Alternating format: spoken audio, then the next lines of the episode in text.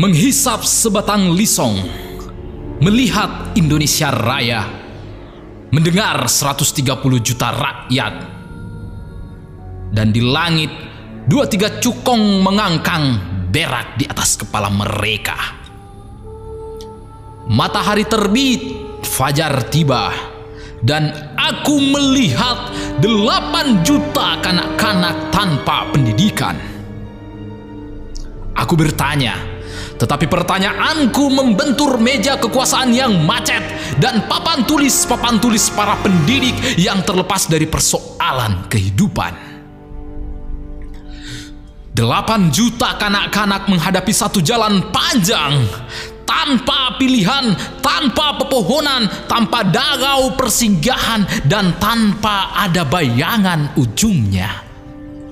Menghisap udara yang disemprot deodoran, aku melihat sarjana-sarjana menganggur berpeluh di jalan raya. Aku melihat wanita bunting antri uang pensiun. Dan di langit para teknokrat berkata bahwa bangsa kita adalah bangsa yang malas, bahwa bangsa mesti dibangun, meski di-upgrade sesuai dengan teknologi yang diimpor. Gunung-gunung menjulang, langit pesta warna di dalam senjakala.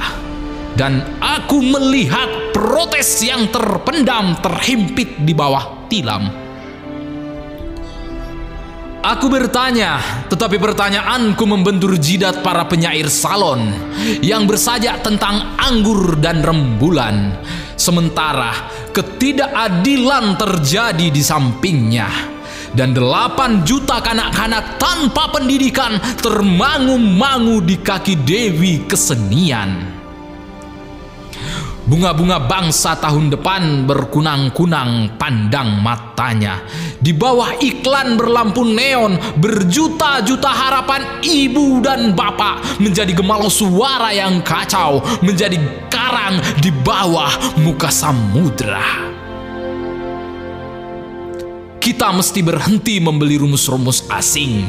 Diktat-diktat hanya boleh memberi metode, tetapi kita sendiri mesti merumuskan keadaan. Kita mesti keluar ke jalan raya, keluar ke desa-desa, menghayati sendiri semua gejala dan menghayati persoalan yang nyata.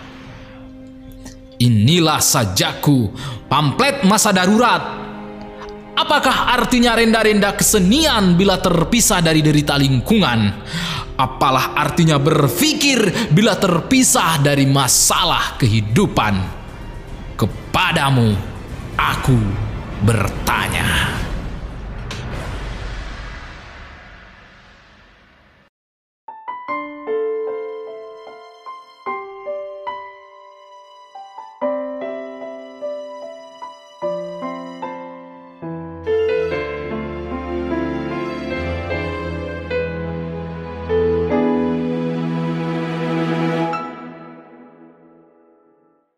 Setiap ruang yang tertutup akan retak karena mengandung waktu yang selalu mengimbangi dan akhirnya akan meledak bila tenaga waktu terus menghadang.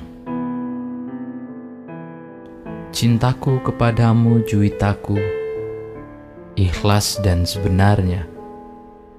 Ia terjadi sendiri, aku tak tahu kenapa. Aku sekedar menyadari bahwa ternyata ia ada.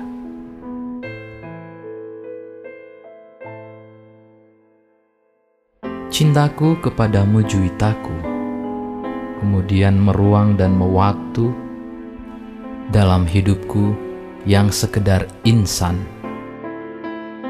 Ruang cinta aku berdayakan, tapi waktunya lepas dari jangkauan. Sekarang aku menyadari usia cinta lebih panjang dari usia percintaan. Hasanah budaya percintaan, pacaran, perpisahan, perkawinan tak bisa merumuskan tenaga waktu dari cinta. Dan kini syairku ini, apakah mungkin merumuskan cintaku kepadamu? Syair bermula dari kata, Dan kata-kata dalam syair juga meruang dan mewaktu. Lepas dari kamus, lepas dari sejarah, lepas dari daya korupsi manusia. Demikianlah maka syairku ini berani mewakili cintaku kepadamu. Juwitaku, belum pernah aku puas menciumi kamu. Kamu bagaikan buku yang tak pernah tamat aku baca. Kamu adalah lumut di dalam tempurung kepalaku. Kamu tidak sempurna, gampang sakit perut, gampang sakit kepala, dan temperamenmu sering tinggi. Kamu sulit menghadapi diri sendiri, dan di balik keanggungan dan keluasanmu, kamu takut kepada dunia.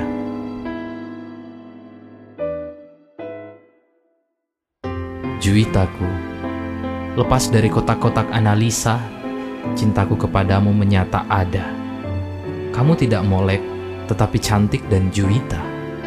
Jelas tidak immakulata, tetapi menjadi mitos di dalam kalbuku. Sampai di sini aku akhiri renungan cintaku kepadamu. Kalau dituruti toh tak akan ada akhirnya. Dengan ikhlas aku persembahkan kepadamu. Cintaku kepadamu telah mewaktu. Syair ini juga akan mewaktu. Yang jelas usianya akan lebih panjang dari usiaku dan usiamu.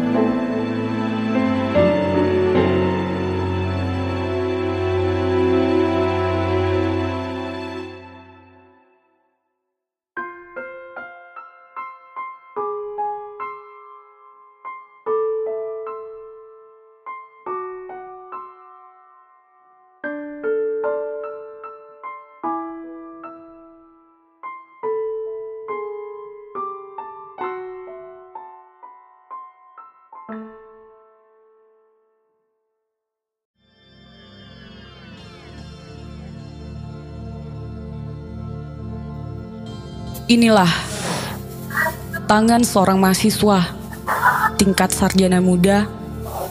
Tanganku, astaga, tanganku menggapai yang terpegang Anderox hostess berumbai. Aku bego, tanganku lunglai. Tanganku mengetuk pintu, tak ada jawaban. Aku tendang pintu. Pintu terbuka. Di balik pintu ada lagi pintu. Dan selalu ada tulisan jam bicara yang singkat batasnya. Aku masukkan tangan-tanganku ke celana dan aku keluar mengembara. Aku ditelan Indonesia Raya. Tangan di dalam kehidupan muncul di depanku. Tanganku aku sodorkan, nampak asing di antara tangan beribu. Aku bimbang akan masa depanku. Tangan petani yang berlumpur, tangan nelayan yang bergaram, Aku jabat dalam tanganku. Tangan mereka penuh pergulatan. Tangan-tangan yang menghasilkan. Tanganku yang gamang tidak memecahkan persoalan. Tangan cukong, tangan pejabat, gemuk, luas, dan sangat kuat. Tanganku yang gamang dicurigai, disikat. Tanganku mengepal ketika terbuka menjadi cakar. Aku meraih ke arah delapan penjuru. Di setiap meja kantor bercokol tentara atau orang tua. Di desa-desa, para petani hanya buruh tuan tanah. Di pantai-pantai, para nelayan tidak punya kapal. Perdagangan berjalan tanpa swadaya. Politik hanya mengabdi pada cuaca. Tanganku mengepal, tetapi tembok batu di depanku, hidupku tanpa masa depan. Kini aku kantongi tanganku. Aku berjalan mengembara Aku akan menulis kata-kata kotor di meja rektor.